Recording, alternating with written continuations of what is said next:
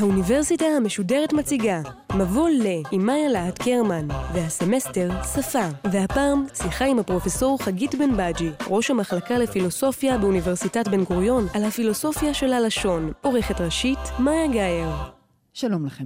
אנחנו ממשיכים היום עם המבוא שלנו לקורס שעוסק בשפה. בפרקים הקודמים למדנו איך נוצרה השפה, דיברנו על האבולוציה, ההתפתחות שלה, איך היא פועלת במוח האנושי, גם על תולדות הבלשנות דיברנו. היום ננסה להתמקד במחקר השפה מהאספקט הפילוסופי, כלומר, ניתוח פילוסופי של השפה והמרכיבים שלה.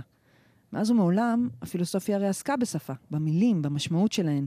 ניסתה להבין איך נקשרות מילים למושגים, ומה המשמעות של מושגים מופשטים. גם מה עומד מאחורי היכולת של השפה להביע אמת. אבל מדובר עדיין בעולם מורכב מאוד להבנה, ובשביל להסביר לנו את כל זה, נמצאת איתנו הפרופסור חגית בן בג'י, ראש המחלקה לפילוסופיה באוניברסיטת בן גוריון. שלום לך, ערב טוב. ערב טוב. בואי נתחיל בשאלה הבסיסית, במה עוסקת הפילוסופיה של הלשון? מה השאלות המרכזיות שהיא עוסקת בהן? את שואלת אותי מה זה פילוסופיה של הלשון, ולכאורה, מה השאלה? את מבינה מה זה פילוסופיה, את מבינה מה זה לשון, את מבינה מה זה של. אז את צריכה להבין גם מה זה פילוסופיה של הלשון. אם את מבינה מה זה בית ומה זה קטן, את מבינה גם את המרכבה, בית קטן. אבל בכל זאת נראה שיש כאן שאלה. אז נראה שיש איזה עיקרון, עקרון הקומפוזיציונליות, ככה קוראים לו, שאומר, אם את מבינה את כל מרכיבי הביטוי, את צריכה להבין גם את הביטוי המורכב. אם את מבינה את המשמעות של כל רכיבי הפסוק, את מבינה את משמעות הפסוק כולו. אבל אולי העיקרון הזה לא אמיתי? נראה שאם את מבינה מה זה פילוסופיה, מה זה של ומה זה לשון, ולא מבינה מה זה פילוסופיה של הלשון, אז אולי יש כאן הפרה של עקרון הקומפוזיציונליות? מהמילה מה... קומפוזיציה כמובן. מהמילה הרכבה, כן, כן, בדיוק. השאלה הגדולה כאן היא מכוח מה לפסוק יש משמעות. האם מכוח המשמעות של המילים שמרכיבות אותו? אבל אם כן, מכוח מה למילה עצמה יש משמעות. מה הופך פסוק בעל משמעות לפסוק אמיתי? מה הקשר בין אמיתות או שקרות של פסוק לבין המשמעות שלה? אלה השאלות המרכזיות שבהן עוסקת פילוסופיה של הלשון. כלומר, תני לי רגע להבין, אם אני אומרת השולחן הוא צהוב, האם כדי שהוא יהיה אמיתי, אני אכן צריכה שיהיה שם שולחן צהוב, או שעצם העובדה שזה משפט שעומד תחבירית ויש שולחנות בעולם ויש צהוב בעולם, בכך הפסוק אמיתי. אז יש כמה שאלות שונות. קודם כל, מכוח מה לפסוק השולחן הוא צהוב יש משמעות? מה הקשר בין המשמעות שלו לערך האמת שלו? ומכוח מה יש לפסוק ערך אמת? מכוח מה הוא אמיתי? האם כדי שהוא יהיה אמיתי צריך שיהיה שולחן? צריך שהשולחן יהיה צהוב? אוקיי, אז צה... אנחנו ניכנס מן הסתם לכל הדברים האלה, אבל... יש שאלה עוד יותר בסיסית, הרי לא מדובר פה בפילוסופיה של המוסר, או בפילוסופיה של האתיקה, או בשאלות פילוסופיות לכאורה מאוד מורכבות. זאת שפה, יש בה מילים, יש בה תחקיר, היא פשוטה. מה בעצם הופך אותה לכל כך מורכבת? מה, מה הופך אותה, את שואלת, אה, מושא לדיון פילוסופי בכלל? כן, כן. זה, זו שאלה טובה. באמת, אה, ראסל, אחד הגיבורים שעוד נגיע אליו תכף, אמר שבתחילת דרכו הוא חשב שהלשון היא שקופה. מין מדיום שאפשר להשתמש בו, ושלא ראוי לשום תשומת לב מיוחדת. אין מה לדון בו. ובאמת, כמעט שלא היה דיון פילוסופי על השפה. כן, כשאנחנו חושבים על שאלות פילוסופיות, כמו שאת אומרת, את חושבת על פילוסופיה של המוסר, את חושבת על מה יש בעולם, האם יש עולם אובייקטיבי, מה זה טוב, האם יש נפשות, האם הנפש נפרדת מהגוף. אלה שאלות שמושכות אנשים לפילוסופיה. לא השאלה שאת שואלת אותי, האם השולחן הוא צהוב, הוא אמיתי, זה נראה טריוויאלי, מכוח מה הוא אמיתי. ברור, צריך להיות שולחן, והשולחן צריך להיות צהוב. מה השאלה הפילוסופית כאן? ואכן, רוב שנות הפילוסופיה, הנושא לא היה נראה חשוב. כן, באמת הלשון נתפסה כשקופה. היסטורית אפשר באמת לומר שהיא הייתה שקופה. זה אחד התחומים הכי חדשים, אם לא החדש ביותר בפילוסופיה. אפשר לומר שהוא נולד ממש בסוף המאה ה-19, מתפתח רק בראשית המאה ה-20. אבל מה שמדהים הוא שמרגע שהוא נוצר, תוך זמן קצר הוא הופך להיות העיסוק היחיד בפילוסופיה, לפחות בארצות דוברות אנגלית, כלומר אנגליה וארצות הברית. אז מה שמדהים הוא שתוך נגיד 50 שנה, אולי פחות, הוא הופך מנון אישו ללב הפילוסופיה. המחשבה השלטת היא שכל שאלה פילוסופית עוברת דרך השפה. פתאום לא עוסקים בשאלות המוסריות, אלא במה המשמעות של מושגים מוסריים. לא שואלים מה זה טוב, אלא מה המשמעות של המושג טוב. פילוסופיה של הלשון הופכת להיות לב הפילוסופיה. וממש מדובר בסוג של מהפכה כשהדבר הזה קרה, נכון? נכון, זה המכונה המפנה הפילוסופי. מהפכה בפילוסופיה אפשר לראות אותה כשינוי סדר קדימויות של השאלות. כן, יש אה, שאלות מסוימות שנחשבו משניות, והמהפכה היא להפוך אותן לראשוניות, לתת להן מעמד מרכזי. אז למשל, במסורת של הפילוסופיה היוונית, השאלות המרכזיות הן שאלות מטאפיזיות. מטאפיזיקה זה מעבר לעולם. אז שאלות על מהו העולם, מהו טבע העולם, אילו אובייקטים קיימים בעולם, האם מספרים הם אובייקטים. אז זה המסורת הפילוסופיות לפיה מתחילים משאלות מטאפיזיות. ורק אחרי שהגענו לשאל... לתשובות לשאלות האלה, כן, יש לנו תיאור כבר של מהו העולם, אפשר לענות לשאלות אפיסטמיות. אפיסטמולוגיה זה תורת ההכרה, אז השאלה מה אני יכולה לדעת יכולה לעלות רק אחרי שאנחנו מבררים אם יש משהו שאותו אפשר לדעת. Okay, אוקיי? אז במאה ה-17 מתחוללת מהפכה פילוסופית. פתאום הסובייקט הופך להיות במרכז, ושאלות שקשורות להכרה ולתודעה הופכות להיות ראשוניות. תיאור העולם, השאלה מה יש בעולם או מהו העולם, הופך להיות תלוי בתיאור התנאים להכרתו. באופן הזה יש כאן מהפכה. מהפכה בשינוי סדר הקדימויות. אם במאה ה-17 והלאה, אז אנחנו מתחילים מחקר התודעה, חקר המחשבה ודרכה מגיעים לעולם, המהפך הלשוני אומר, אין דרך להבין מהי מחשבה בלי להבין את הגילום הלשוני שלה בשפה. אין דרך להבין מחשבה בלי שפה. אנחנו מדברות על תחילת המאה ה-20, ובכל זאת, עוד בטרם המהפך הלשוני הזה, היה עיסוק פילוסופי בשפה, גם אם מינורי יותר. במה העיסוק הזה התאפיין? מה עמד במרכזו? באמת, ג'ון לוק, יש לו דיון שיטתי בשפה. הוא, התיאוריה של השפה נשענת על תורת האידאות שלו. כי באמת, במאה ה-17 יש קדימות לתודעה, למה שיש ב mind שלנו. כן. אוקיי? ומה שיש ב mind שלנו, לפי הפילוסופים של המאה ה-17-18, דקארט והאמפיריציסטים שבעקבותיו, זה אידאות, כן? דימויים, מעין תמונות מנטליות. אז כשאני חושבת על בקבוק, יש לי תמונה של בקבוק בראש, בתודעה. איפה המילים נכנסות לתמונה? המילים הן סימנים של האידאות. אידאה של בקבוק היא התמונה של בקבוק שמופיעה בתודעה, ומה שנותן למילה בקבוק את המשמעות שלה, הוא האידאה שהיא מסמנת בתודעה.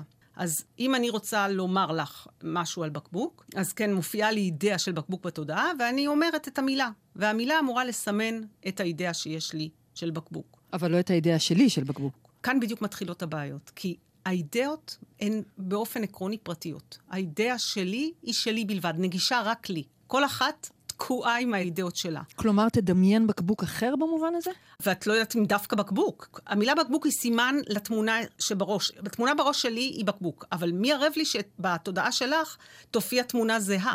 לא רק שנגיד אצלי יכול להופיע תמונה של בקבוק זכוכית ואצלך בקבוק פלסטיק, אלא מי ערב לי שאצלך לא תופיע בכלל תמונה של פרפר.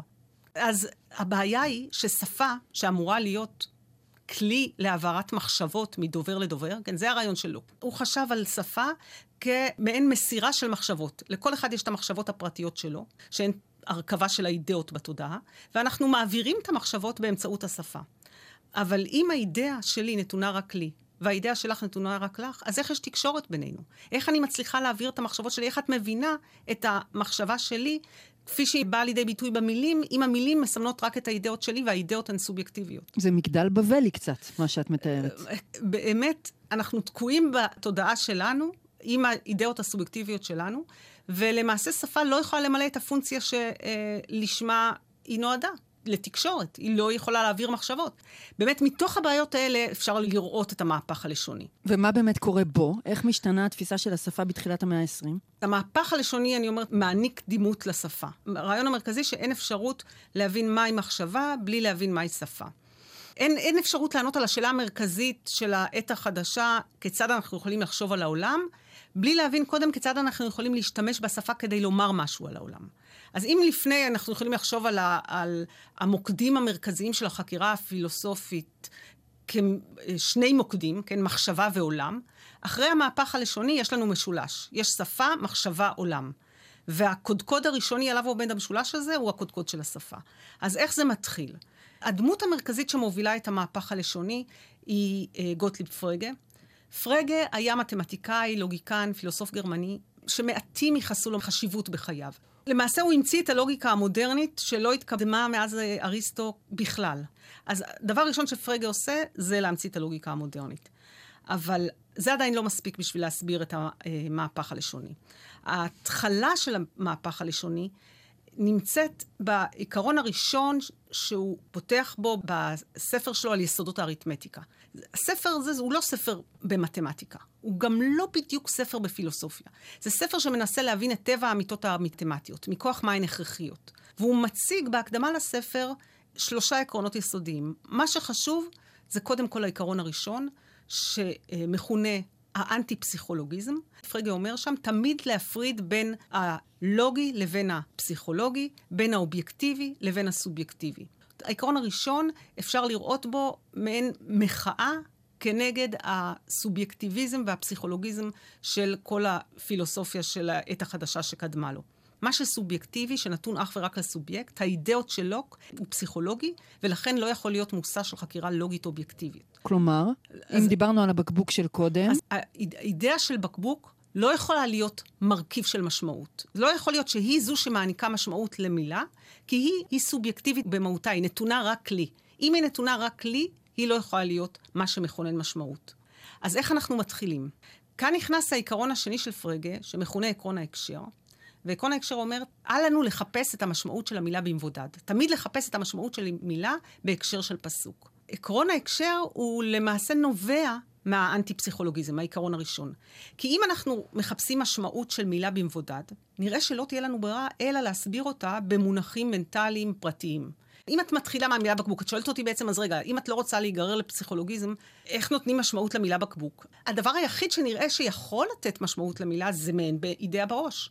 אבל אז היא נשארת אצלי. כדי שהיא תעבור אלייך, בדיוק, צריך להתחיל עם משהו פומבי. כן, הדבר הפומבי שאנחנו עושים זה להעביר משפטים, נכון? אנחנו אף פעם לא מעבירים מילים בודדות. גם כשאני זורקת מילה, כשאני זורקת, נגיד, למישהו בקבוק, אז זה בדרך כלל קיצור של משפט. זה תמיד, תביאי לי אולי את הבקבוק, או בקבוק. אני אומרת, זה בקבוק למעשה, קיצור, כן, נכון. זה קיצור של זה בקבוק. זה חייב להיות קיצור של איזשהו משפט. אז אנחנו אומרים להבדיל בין הסובייקטיבי לאובייקטיבי, אנחנו אומרים לתת לזה הקשר, מה העיקרון השלישי של פרגה?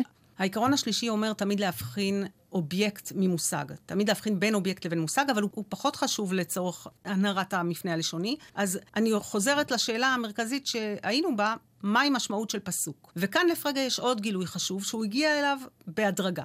בהתחלה הוא חשב שיש רק רכיב אחד למשמעות, וזה היחס בין השפה לעולם. המשמעות של פסוק, הוא חשב, הם התנאים בהם הוא אמיתי ובהם הוא שקרי. הרעיון היסודי שלו בתקופה המוקדמת הייתה שמשמעות קשורה לאמת.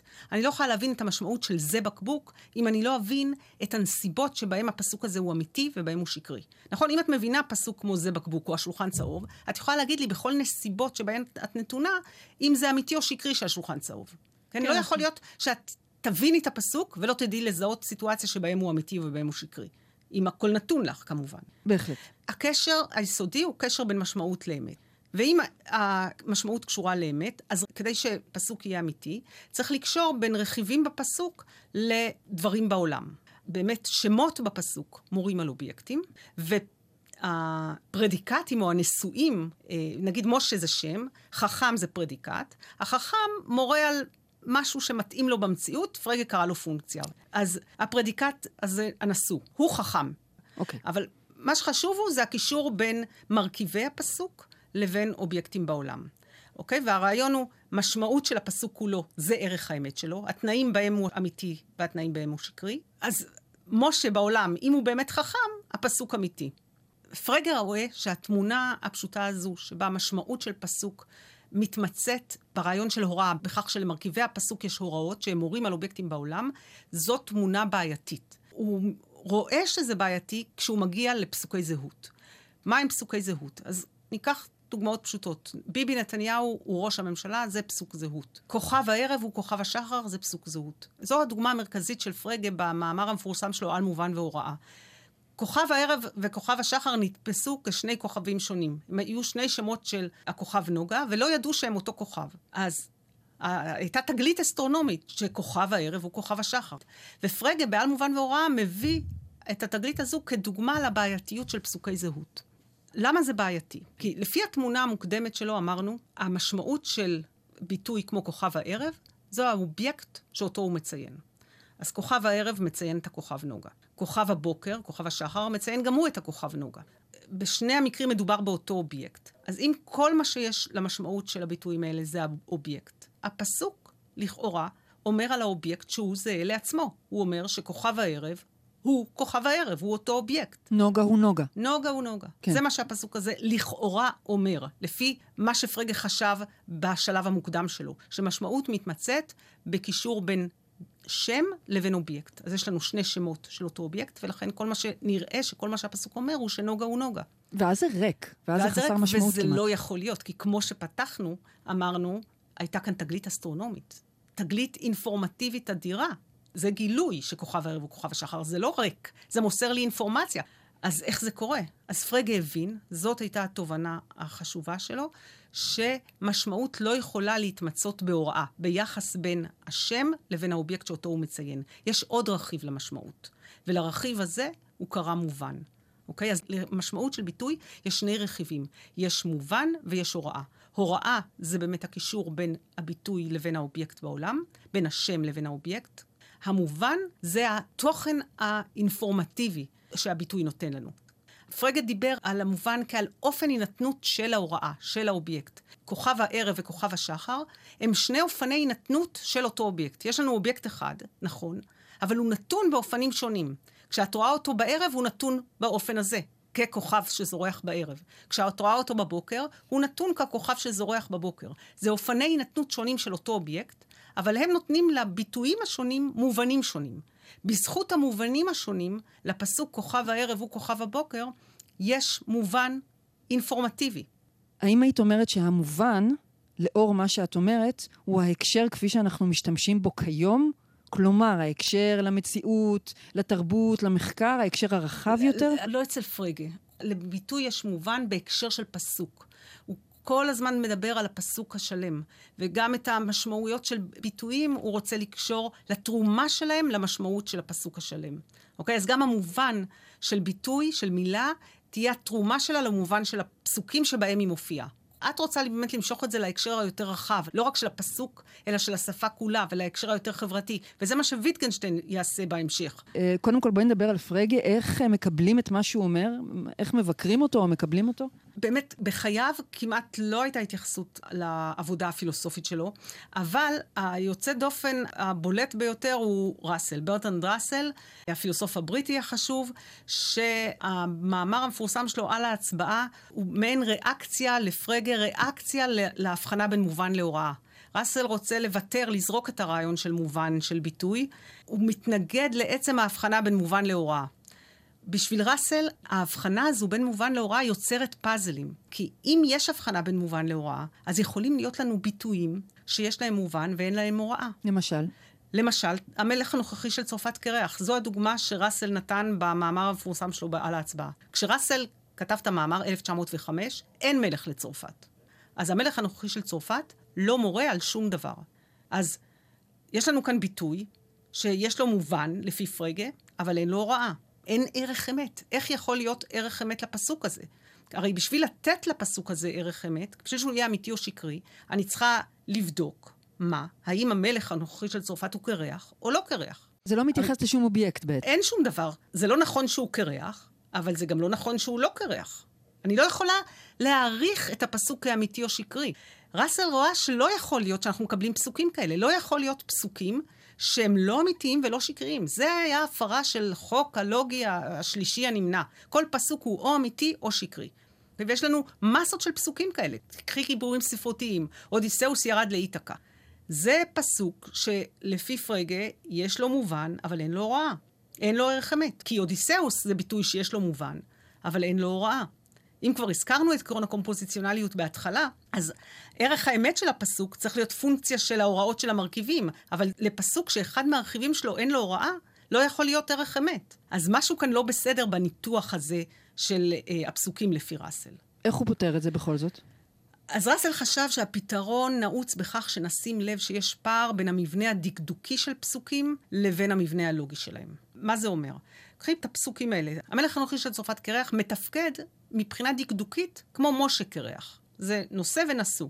ככה זה נראה לפחות מבחינה דקדוקית. ניתוח תחבירי, כן. כן. בשפה נראה לנו שהתיאורים האלה מתפקדים כמו שמות כדי להצביע על אובייקטים. ראסל רואה שבדיוק התפקיד הזה יוצר את הבעיה. כי במקרה שאין אובייקט, כמו במקרה של המלך על צרפת, לא הצלחנו לומר משהו שהוא אמיתי או שקרי. ולכן הוא מגיע למסקנה שצריך להכיר בכך שהשפה הטבעית מטעה אותנו. היא מטעה אותנו לחשוב שתיאורים מתפקדים כמו שמות. הפתרון של ראסל היה שהם לא. שזה מטעה, הם לא מתפקדים כמו שמות. הפסוק, המלך הנוכחי של צרפת קרח, הוא לא פסוק פשוט כמו משה קרח. המשפט הזה לא מורה על אובייקט או על איש מסוים. ראסל אומר, לא מדובר כאן בפסוק של נושא נשוא, אלא זה פסוק מורכב יותר. זה פסוק שמורכב משלושה פסוקים והוא פסוק ישי, הוא אומר משהו כזה, הוא אומר, יש מלך לצרפת, יש רק אחד כזה, והאחד הזה הוא קירח. בניתוח הזה של הפסוק, אין לי כאן שום ביטוי שמורה על אובייקט. ואז אז... הוא בודק את אמיתות כל אחד מחלקי המשפט? עכשיו אין שום בעיה. שתי הבעיות שהזכרנו פשוט נעלמו. למה? כי בפסוק הזה, מה שחשוב לראות, שבניתוח החדש של ראסל, אין שום ביטוי שדומה לשם בזה שהוא מורה על אובייקט. אין ביטוי כזה. ולכן אין לנו בעיה שיש איזה ביטוי שיש לו מובן, אבל אין לו הוראה. כי אין כאן ביטוי שבכלל מנסה להורות על אובייקט. יש כאן פסוק שאומר משהו על מה שיש או אין בעולם, מין פסוק כללי כזה, שאומר, יש משהו, כך שהמשהו הזה הוא מלך של צרפת והוא קרח. ועכשיו הפסוק הזה הוא פשוט שקרי, כי אין משהו כזה. אין משהו כזה שהוא מלך של צרפת. כלומר, ראסל הולך צעד קדימה לכיוון מה שכבר רמז לנו שוויטגנשטיין יעשה, אבל הוא עוד לא נותן לזה הקשר לגמרי תלוי מציאות, אלא פשוט קודם כל מפרק את זה ואומר, התחביר הוא לא הכל. הוא לא הכל כי לפסוקים, ראסל חשב, יש מבנה עומק. התחביר הוא רק מבנה השטח שלהם, והוא מטעה. התפקיד של הפילוסופיה הוא לחשוף את מבנה העומק שלהם. דרך חשיפת המבנה העומק, דרך חשיפת המבנה הלוגי הנכון של הפסוק, הבעיות הפילוסופיות פשוט תיעלמנה. אז זה מין תמה כי היא ביטוי לרעיון שאתה יכול להיפטר בטית מבעיה פילוסופית באמצעות ניתוח נכון של השפה. הרעיון הזה שהשורש של בעיה פילוסופית נעוץ באיזושהי הטעיה של הלשון, האשליה שהלשון גורמת לנו, היא תמה מרכזית גם אצל ויטגנשטיין, המוקדם והמאוחר. אז לודוויג ויטגנשטיין נותן לנו דרגה אחת נוספת בפילוסופיה של השפה, ומה הוא אומר בעצם? אז ויטגנשטיין, כשאנחנו מדברים על ויטגנשטיין, צריך לחלק אותו למוקדם ולמאוחר. ויטגנשטיין המוקדם זה החיבור שלו, הטרקטטוס, מאמר לוגי פילוסופי, יצא לאור ב-1921.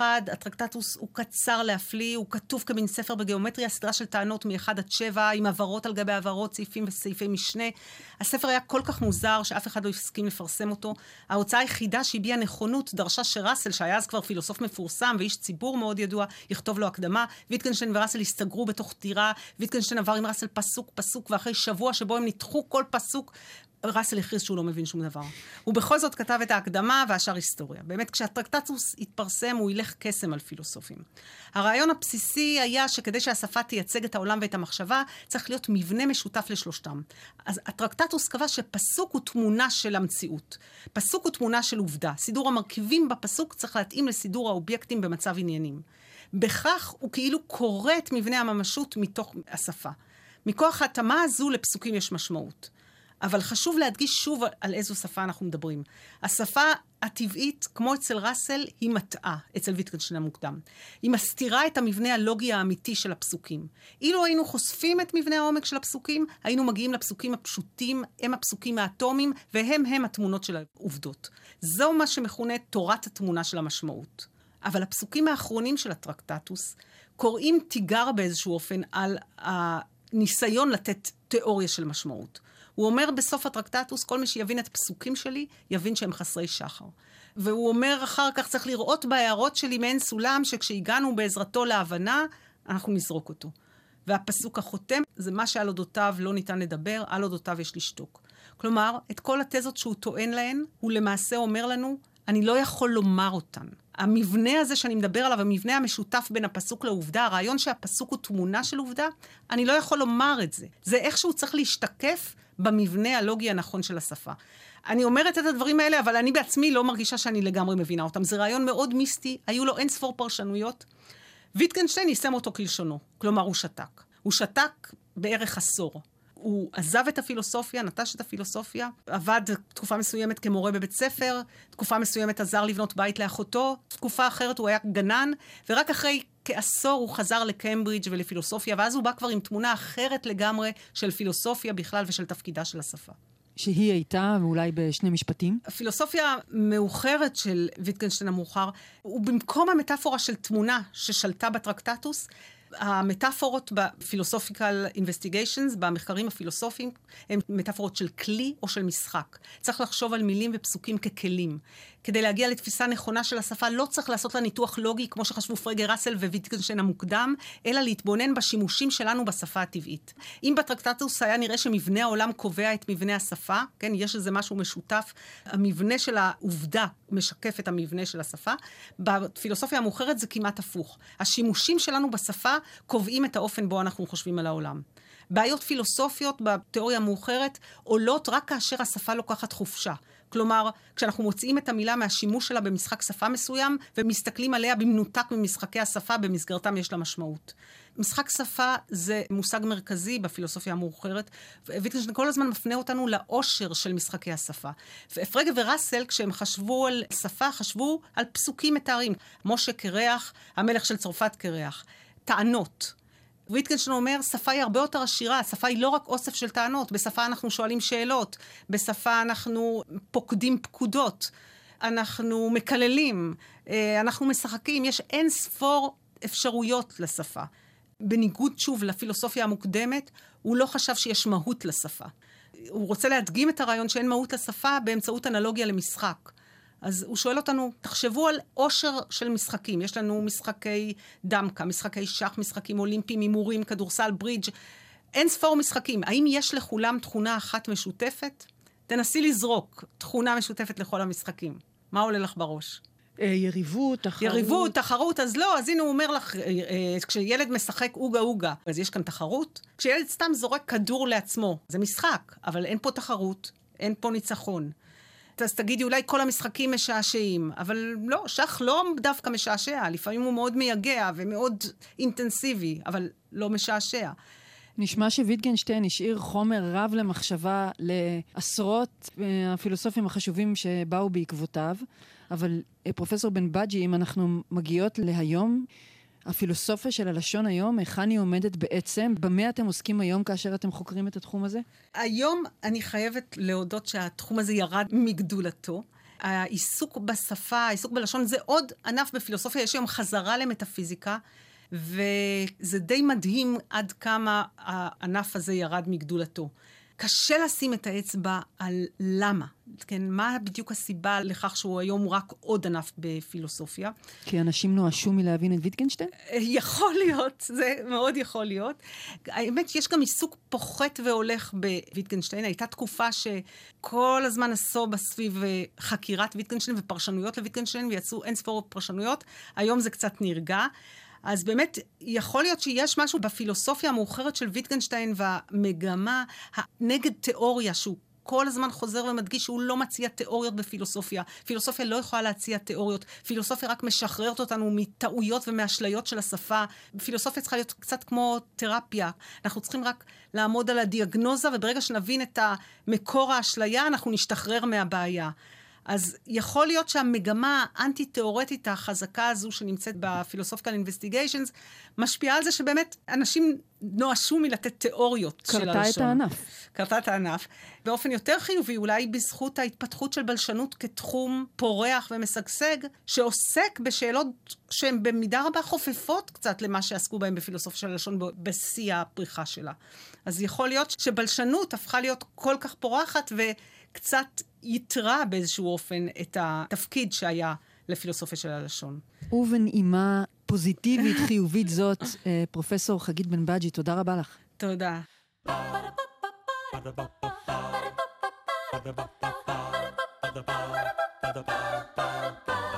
האוניברסיטה המשודרת, מבוא ל... מאיה להט קרמן שוחחה עם הפרופסור חגית בן בג'י, ראש המחלקה לפילוסופיה באוניברסיטת בן גוריון, על הפילוסופיה של הלשון. עורכת ראשית, מאיה גאייר. עורכות ומפיקות, יובל שילר ומיקה נחטיילר. עורך הדיגיטל, עירד עצמון שמייר. האוניברסיטה המשודרת, בכל זמן שתרצו, באתר וביישומון של גל"צ, וגם בדף הפייסבוק של האוניברסיטה המשודרת.